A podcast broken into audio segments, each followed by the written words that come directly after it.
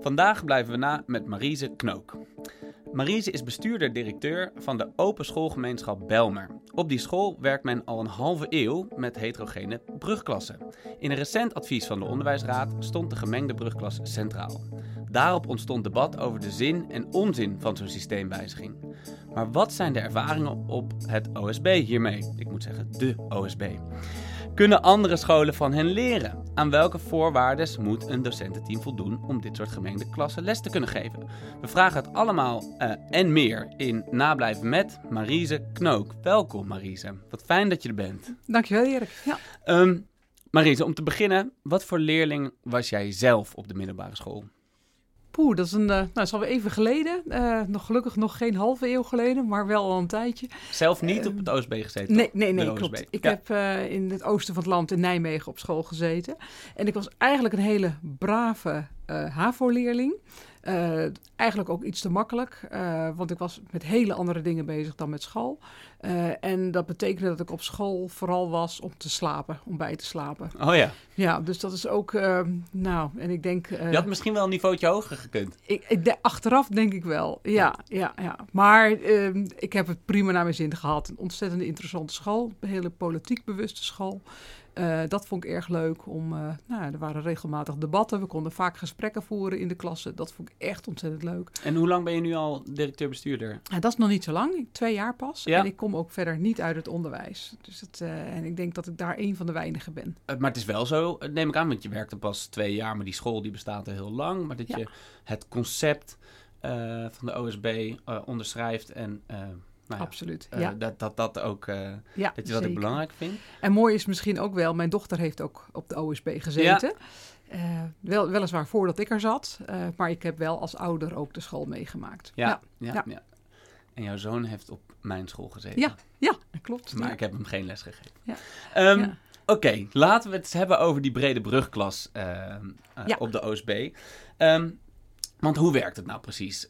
Alle leerlingen bij elkaar uh, vanaf klas 1, um, ehm, vanaf TKB tot gymnasium. Wat bieden jullie allemaal aan en hoe lang blijft dat zo? Ja, wij, uh, wij bieden twee jaar een heterogene uh, brugklas aan. En dat is vanaf VMBO basis tot en met VWO. Dus gymnasium zit daar niet bij. Het zijn echt alleen de VWO Atheneum leerlingen die erbij zitten. Maar wel nou vanaf basis. En dat, dat doen we twee jaar. de onderwijsraad suggereert nu om het drie jaar te doen. Maar wij zijn ooit wel begonnen met drie jaar. En dat hebben wij teruggebracht naar twee jaar. Ja, en dat betekent dat in het derde jaar uh, er een volledige splitsing is? Of is er dan nog een dakpanklas van uh, uh, VMBO-HAVO? Ja, dan zijn er dakpanklassen. we hebben dan het niveau BK bij elkaar. De T-klassen zijn bij elkaar. dat is, dus dat is een heel, homogene klas. Ja. En dan vervolgens hebben we de HAVO-VWO ook nog één jaar bij elkaar. En vanaf de vierde splitst dat in HAVO en VWO. En, en even voor mijn beeld, hoeveel leerlingen hebben we het over? Hoe groot is Rond de, de 1500. OSB? Ja, en... Um, wat zijn ongeveer de percentages? Het is zo'n beetje um, 30, 40, 30. Dus ja. Het, Al die leerlingen zitten echt bij elkaar in de klas. Die worden gewoon willekeurig bij elkaar in de klas geplaatst. Nee, helemaal niet willekeurig. Daar, uh, ja, daar uh, besteden we heel veel aandacht aan. En ja. ik denk dat ook een van de meest belangrijke uh, nou ja, voorwaarden zijn om een heterogene brugklas ook goed te organiseren. Wij kijken heel goed naar nou, waar, welke basisschool komen de leerlingen vandaan. wij kijken naar jonge meisjes, we kijken ja. naar kleur, we kijken naar niveau. En we zorgen ervoor dat er een goede mix in elke klas zit. Dus dat er niet alleen maar witte kinderen in de ene klas zitten en alleen maar donkere kinderen in de andere klas. Uh, dat we dat een goede mix doen, maar ook van de niveaus. En eigenlijk proberen we ook, uh, en dat is een beetje contrair met, uh, met het idee van totale heterogeniteit, maar de, de echte basisleerlingen en de echte VWO-leerlingen, die zitten vaak niet samen in één klas. Ja. Dus het gaat van VMBO basis kader tot aan um, tot en met HAVO of uh, van kader tot en met VWO. Ja, dus, ja. dus bij jullie eerste ervaring ook al wel van je kan uh, wel alles tegelijk aanbieden, maar een heel uh, kleine soort van splitsing wordt er wel gemaakt. Ja. wordt dat ook zo benoemd? Uh, nee, we benoemen het niet echt zo. Uh, en dat heeft ook mee te maken dat we het eigenlijk wel heel graag willen, die ja. volledige heterogeniteit. Maar vanwege de aantallen zien we dat het, um, nou ja, dat het dan, dan zou je in elke klas, uh, we hebben tien brugklassen, soms zelfs elf, twaalf brugklassen. Ja, ja. ja dus er zijn er echt heel veel. dus als je ehm, maar een beperkt aantal VWO'ers binnenkrijgt, dan zou je over elke klas maar, er maar één of twee hebben. Nou, en dat ja, dat is gewoon ook niet fijn. Want je wil ook, uh, ook binnen je eigen klas, wil je ook gelijkgestemde hebben. Ja, ja. dat snap ik.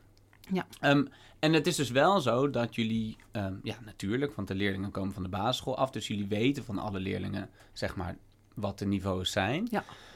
Um, en betekent dat ook dat er dan met verschillende uh, lesboeken wordt gewerkt met verschillende toetsen binnen één klas. Hoe zit dat eigenlijk precies? Ja, wat wij doen is, uh, nou ja, de docent die is uh, nou ja, capabel om gedifferentieerd les te geven. Mm nou, dat, is, dat is best wel een vraag die wij stellen ook aan docenten. Daar komen we vast later ook nog wel even op. Um, en de docenten van oudsher zijn de methodieken en de boeken altijd door de docenten zelf ontworpen, oh geschreven, noem maar op. Daar zijn we ook wel wat van teruggekomen, omdat het ook echt een vak apart is om uh, nou ja, methodieken te ontwikkelen en te schrijven. Uh, dus wij gebruiken ook verschillende boeken. Iedere leerling gebruikt ook boeken op zijn of haar eigen niveau. Um, en uh, nou, die worden ook besteld, hè, dus iedereen uh, die heeft dat. En we zien wel door het jaar heen dat een leerling uh, nou ja, naar een hoger niveau kan. en dat kan per vak, dat kan soms in zijn totaliteit. En dan, ja, dan, dan zorgen wij voor het andere boek. Ja, ja, en dat zien jullie in toetsing? Dat zien we in toetsing. Uh, we zien het ook uh, omdat we um, nou ja, bij ons op school, en ik zou dat heel graag willen dat elke school dat doet. Veel scholen doen het overigens ook. Het gaat niet alleen maar om kwalificatie, dus het gaat niet alleen maar voor, uh, om het niveau wat een leerling heeft, maar het gaat ook over hoe is zo'n leerling in de klas, hoe doet het, een leerling het in de persoonsvorming, in die socialisatie. En dat weegt allemaal mee om te kijken van nou, kunnen we een leerling extra uitdagen om een stapje hoger uit te proberen, of misschien moeten we het juist wel even rustiger aandoen en moet het een stapje lager zijn. Ja. ja. Eh, eigenlijk is de hamvraag denk ik uh, uh, goed om ook in het begin te stellen. Uh, hoe zijn de resultaten? Ja, die zijn eigenlijk hartstikke mooi. Ja. Uh, we zien ook dat enorm veel leerlingen naar een hoger niveau gaan na de eerste of na het tweede jaar. Um, en nou ja, dat is zo'n beetje rond de 40 procent uh, wat een hoger niveau heeft in het derde jaar ten opzichte van het advies van de basisschool. En het is heel mooi omdat je altijd in je klas kan blijven. Dus je hoeft niet naar een andere klas toe, je kunt het gewoon uitproberen. Uh, dus het is, het is veel makkelijker om te doen, om te bewegen. ja. ja. Ja, en dus voor leerlingen uh, biedt het allemaal voordelen, kan ik me voorstellen. Ja. ja. Uh, nou ben ik zelf natuurlijk leraar en ik kan me voorstellen, heb ik ook veel gehoord over het plan van, het onderwijs, van de onderwijsraad. Hoe gaan we dat nou doen? Ja. Uh, ja. Kinderen van VMBO tot VWO bij elkaar. Ik kan het me niet voorstellen, hoor ik veel om me heen. Ja, wat zeg jij daarop? Ja. ja, het enige wat ik dan zou zeggen is: kom maar kijken, want het kan wel. We doen, het, we doen het al 50 jaar, uh, dus het kan. Uh, maar uh, we moeten wel met z'n allen beseffen: we vragen echt wel veel van docenten. Ja. Het, het, je doet het niet zomaar even. En wat ik vooral ook zie, is als je van de, nou ja, van de lerarenopleiding afkomt, dan kan je dit ook niet zomaar. Mm -hmm. En we hebben natuurlijk wel veel mensen die bij ons stage hebben gelopen, dus die hebben al wel ervaring opgedaan in dit soort onderwijs. Helaas zijn er nog maar weinig scholen die dit ook bieden. Dus vandaar dat nou, aankomende docenten nog weinig ervaring hebben als ze niet bij ons hebben stage gelopen. Vaak zijn ze wel geïnteresseerd, want anders dan, ja, dan kom je ook niet op een school uh, als niet bij ons.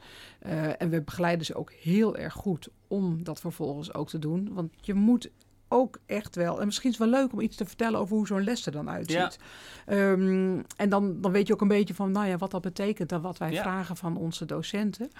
Wij, uh, wij beginnen altijd in een, uh, in een kring, elke les. Dat doen we overigens tot aan uh, 6 VWO. Oh. Ja, en het leuke is, uh, nee, onze leerlingen zijn ook ontzettend gewend om met stoelen te schuiven, tafels te schuiven. Uh, dat gaat heel makkelijk.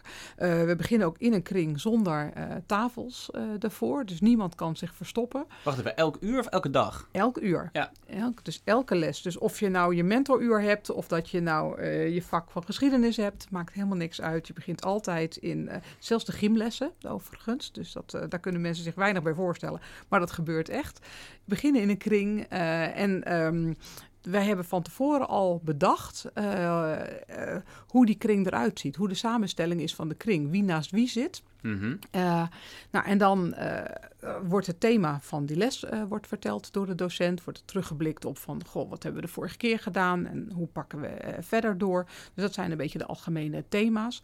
Mocht er een bepaalde actualiteit zijn in het nieuws, nou, wordt dat ook meegenomen. Ehm, of als er iets speelt in de klas, uh, nou, dan komt dat ook aan de orde. En dat kan variëren van iets persoonlijks van een, uh, um, van een leerling, waarvan bijvoorbeeld nu een, uh, een ouder in uh, nou, intensive care ligt of zo met corona. Nou, dat is allemaal heel naar, dus dat wil je dan toch een plek geven, ook in de klas, zodat de rest ook weet wat er aan de hand is mits de leerling dat natuurlijk wil. Um, nou, dat is even een moment met de klas. Uh, dan zie je dat leerlingen zich niet kunnen verstoppen. Ze leren luisteren naar elkaar, ze leren zichzelf goed verwoorden. En dat is denk ik alleen maar winst voor. Uh, ze nou, kijken elkaar letterlijk in het gezicht. Absoluut, ja.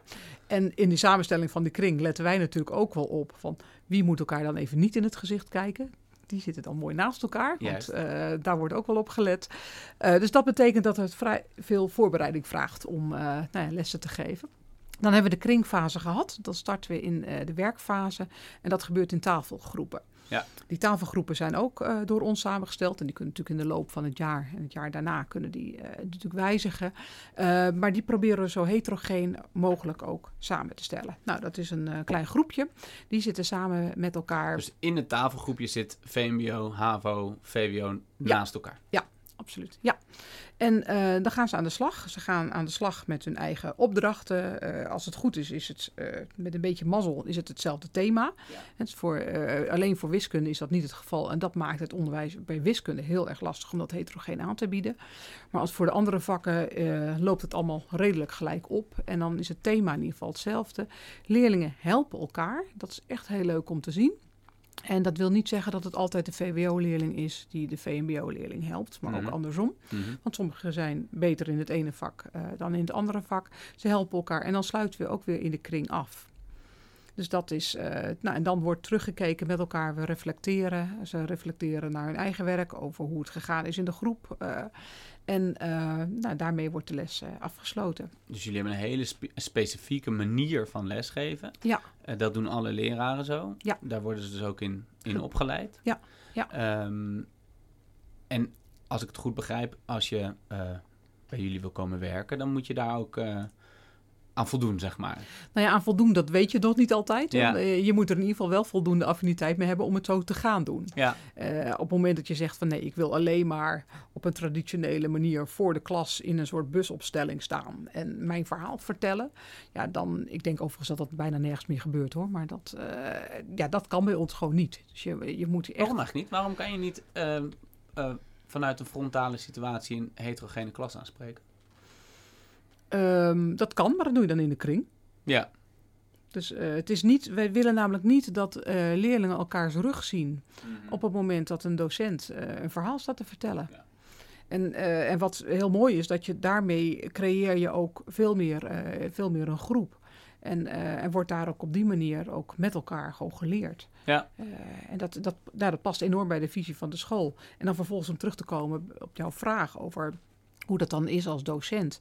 Um, nou ja, dit, dit moet je zien zitten. En vervolgens, wat je dan gebeurt ook in die werkfase, is dat een docent wel um, in kleine groepjes nog instructie geeft of uitleg geeft. Uh, nou, en dan komen er soms de VMBO-leerlingen bij de docent zitten, of dan uh, gaan de, dan weer de HAVO-leerlingen of juist de VWO-leerlingen, die komen dan bij de docenten. Dus dan wordt er hele kleine groepjes nog wat verder instructie uh, gegeven. Dus dat kan wel. En ik kan, ik kan me voorstellen dat dit uh, ook wat doet voor de sfeer op school. Heerst er een hele andere sfeer bij jullie op school dan op andere scholen? Of zeggen van ja, dat, dat weet ik eigenlijk niet. Ik kom niet zoveel op andere scholen. Nou, ik kom op heel veel andere scholen. Ja, ja uh, ik denk dat, uh, en dat hoor ik ook bij open dagen wel uh, van onze nou ja, ouders en leerlingen die komen kijken en die dan uiteindelijk ook voor de OSB kiezen. Die zeggen van jeetje, dit is, ik kom vanwege die sfeer. Die is zo ongelooflijk goed.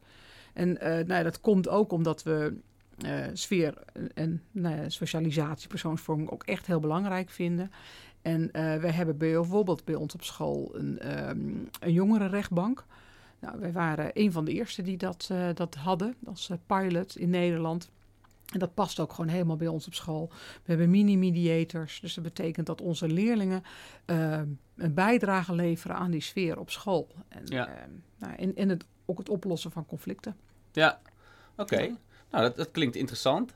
Um, en zou je zeggen van, uh, nou, dit is hoe wij het doen. Um, zo zou het ook op andere scholen moeten gebeuren... waar uiteindelijk brede brugklassen worden ingevoerd?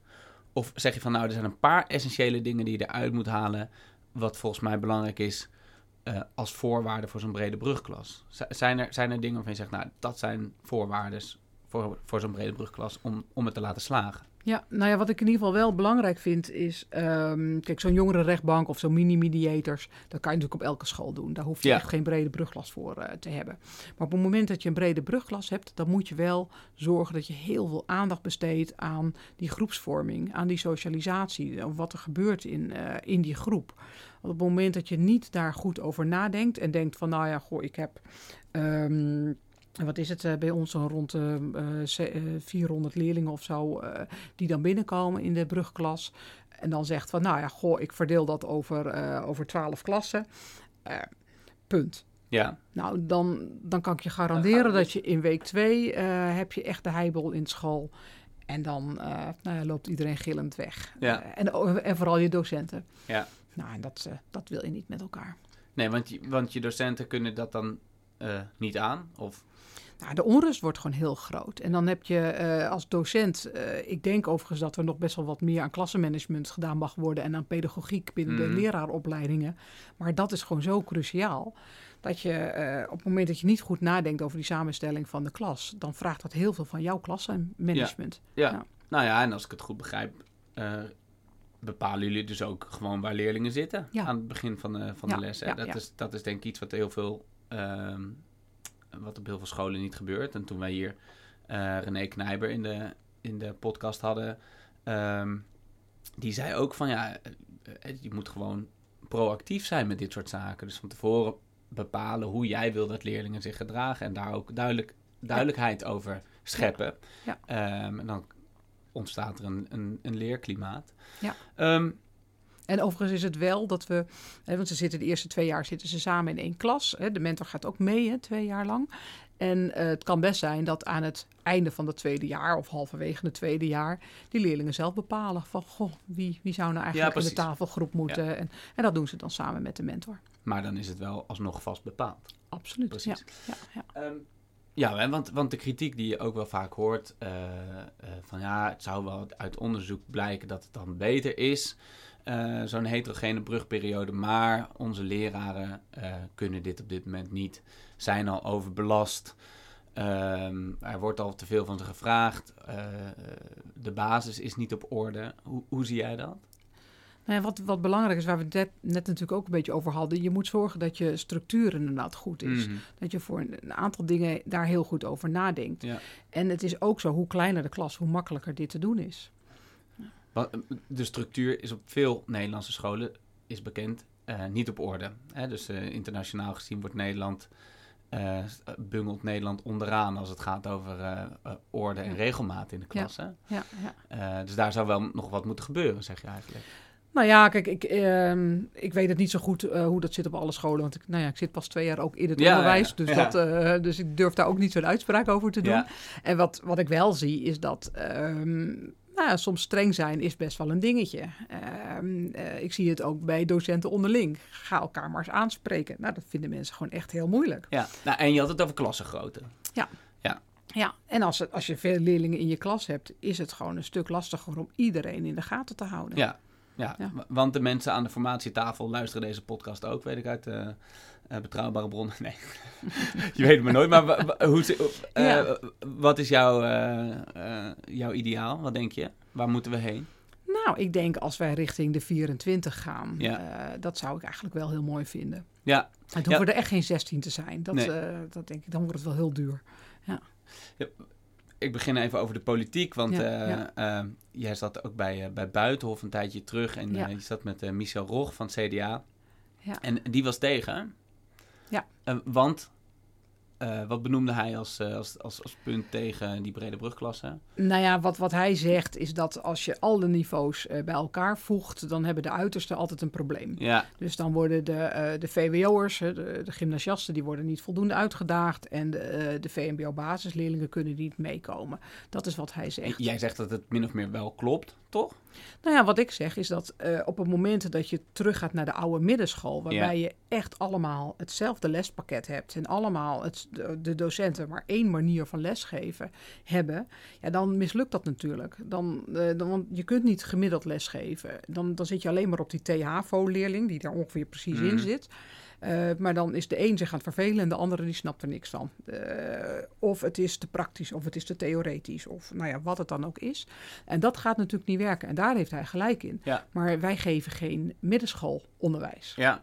En uh, daarom heb ik hem ook uitgenodigd. En hij is gekomen. Ja. Dus dat was echt helemaal fantastisch dat hij dat uiteindelijk maar hij gedaan is oud-docent, hè? Ja, maar uh, uh, oud-docent uh, in een hele traditionele omgeving. Ja. Dus dat is echt wel even wat anders. hij gaf overigens aan, dakpanklassen vond hij nog wel te doen. Maar op het moment dat het echt gaat om een hele heterogene brugklas, dat ging hem te ver. Mm -hmm.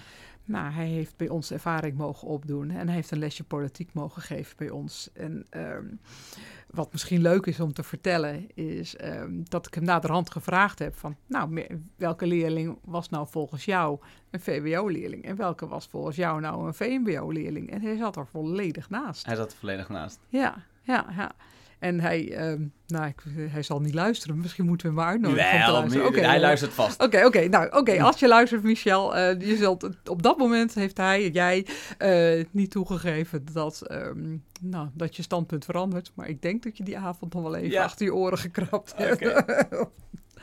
ja. Hey, en en uh, Mm, ja. als we dan kijken naar het, nou ja, naar, het, naar het bredere verhaal. Want de onderwijsraad heeft dus aangegeven, ja, een driejarige brugperiode. Ja. Uh, al eerder is een plan ontstaan voor nou ja, een, een, langere brugperiode van verschillende uh, onderwijsorganisaties. Um, en nou ja, een van de dingen die je ook dan wat terug hoort is van ja, uh, dat moet zeker ook kunnen bestaan, maar is een stelselwijziging nou wel, wel nodig? Ja. Um, hè, of kan het ook gewoon met een aantal scholen die dan een, een brede brugperiode aanbieden en daarnaast nog een heel aantal scholen ja, die bijvoorbeeld zelfstandige VMBO, zelfstandige gymnasia. Hoe, hoe zie je dat? Ja, kijk, een, een stelselwijziging invoeren is echt lastig. Uh, zeker omdat Ja. we nu best wel veel categorale scholen hebben. En vraag zomaar even van die scholen om dat voor te bereiden. Nou, dat, Mhm. dat is echt heel ingewikkeld.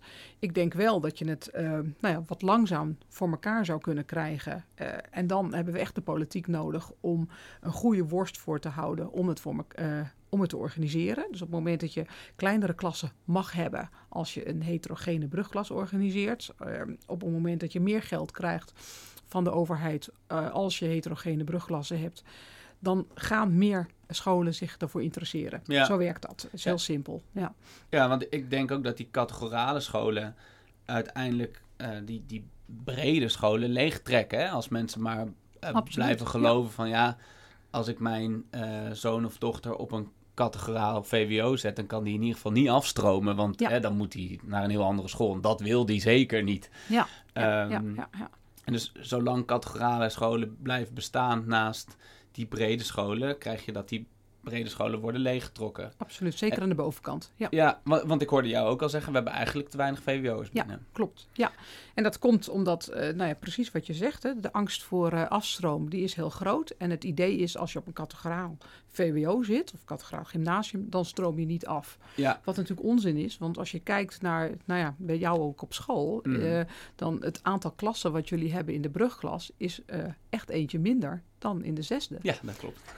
En eh, dus dat betekent dat er best wel veel leerlingen van school afgaan door die jaren heen. Ja, Dus het is een illusie om te denken dat, eh, dat iedereen op dat niveau eh, blijft. ja, en het is voor een leerling veel fijner op een brede, of in ieder geval om met je vrienden te blijven vanaf klas 1 tot en met het, het jaar dat je je diploma haalt.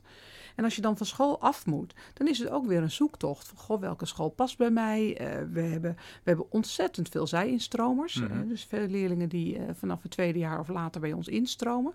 En voor sommige leerlingen zijn wij zelfs de tiende school die ze bellen. Het is echt ingewikkeld om een andere school te vinden op het moment dat je niet in de brugklas begint. En, en het is sowieso heel vervelend om te wisselen, want je laat je vrienden in de steek. En je hebt net wat opgebouwd.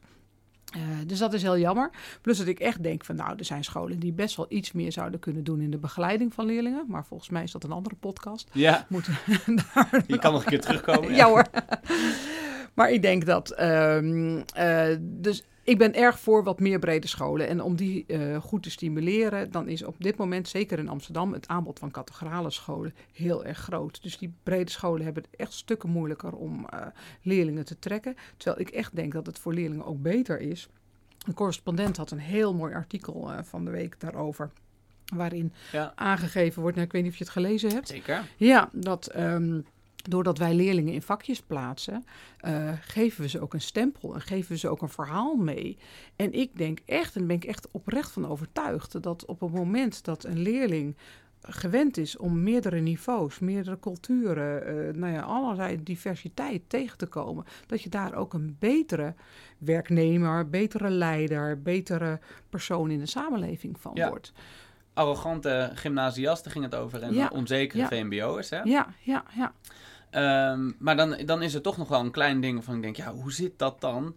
Um, dat ze bij jullie wel, ze weten wel welk niveau ze hebben. Hè? Dus ze, ze identificeren zich uiteindelijk alsnog binnen een klas met een niveau, toch? Ja. En dan dat er niet ook uit? nou ja, um, dat kan. Uh, maar wat ik het heel mooie vind, zeker bij ons op school, is dat uh, leerlingen erkennen diversiteit. Mm -hmm. En daar is ook niks mis mee. Dus en je mag best wel diversiteit hebben in mate van intelligentie. In um, de ene wat theoretischer, de andere wat praktischer. De ene wat assertiever, de andere wat introverter. Uh, nou ja, weet ik van wat. Hè? Gewoon verschil tussen mensen. Ja, ja. En, en dat mag. En dat wordt bij ons ook uh, erkend. Uh, en daarom is het ook niet erg. Ik weet... Um, we hadden het net even over mijn eigen kinderen. Ja. Ik heb een VMBOT-kind en een gymnasiumkind. Ja. Nou, we hebben ongelooflijk leuke gesprekken aan tafel. En zij erkennen van elkaar dat er verschil is. En dat is niet erg. En uh, ze kunnen elkaar gebruiken omdat ze uh, andere talenten hebben. Ja. En zo doen wij dat op school ook. En als je alleen maar uh, nou ja, één niveau hebt, dan, dan spreek je dus de totale groep aan. En dan komen die leerlingen niet in contact met andere niveaus, met andere soorten kinderen. En dan denk ik dat ik vind dat armoede. Ja, nou, dat, dat lijkt me een duidelijke statement. Um, wat denk je? Gaat het gebeuren?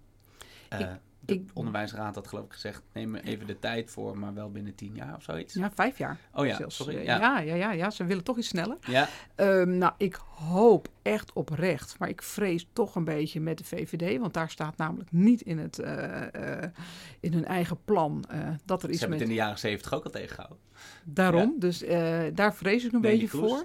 Maar, als we, ja, maar op het moment dat, nou ja, dat andere partijen daar toch ook wat meer voor gaan staan, dan denk ik van, nou ja, dat we het Um, op zijn Nederlands, hè, want alles gaat hier op zijn polders, dat die Big Bang er niet komt. Maar dan mm -hmm. hoop ik dat er meer faciliteiten komen voor brede scholen met brede brugklassen. Ja. Nou, en, en dan zullen mensen vermoedelijk ook willen weten, hoe zit dat dan precies op de OSB? Ja. Um, wat kunnen mensen doen als ze meer willen weten van brede brugklassen, zich erin willen verdiepen? nu denken naar aanleiding van deze podcast, verdomd, ja hoe zouden we dat eigenlijk uh, uh, aan moeten pakken? Wat kunnen ze volgens jou doen, Marise? Nou, wat ze vooral kunnen doen is bij mij even komen kijken. Ja. Ja, uh, mensen zijn echt ontzettend welkom. Uh, we heten ook niet voor niks open schoolgemeenschap. Oh, dus, daarom is dat. Ja, ja dat, is, dat is wel een van de redenen. Niet om iedereen bij ons te laten kijken van, oh kijk eens hoe leuk we het doen. Maar wel omdat we transparant willen zijn in, ja. in hoe wij het doen. En uh, ik denk dat je daar ook het meeste van leert. Door gewoon te zien, door de gesprekken aan te gaan met onze medewerkers, met uh, collega-docenten, uh, met collega-teamleiders, nou ja, noem het maar op. dus dat kan altijd. Ja. En um, ja, nou, ik weet eigenlijk niet of er, er bestaan ontzettend veel onderzoeken uh, hierover. dus die worden absoluut ook wel gedaan. Dus daar kun je volgens mij ook wel aardig in verdiepen. Dus als je dat allemaal wil weten, mail dan inderdaad. nou, ik, ik, zal wat in de, in de notities van deze podcast zetten. En natuurlijk ook het correspondentartikel waar je net naar verwijst. Ja, nou, er is inmiddels heel veel over geschreven. Nou, de Onderwijsraad heeft het in de wat is het in het lijstje op de laatste pagina? staat ook behoorlijk wat. Dus ik denk dat er, als mensen zich willen verdiepen, kan dat makkelijk. Maar het leukste is om de verhalen van mensen zelf te horen. En vraag het onze leerlingen. Dus kom, kom op open dagen langs of kom gewoon inderdaad een keertje kijken. Een duidelijke uitnodiging. Uh, ontzettend bedankt, uh, Maries. Ja, ja.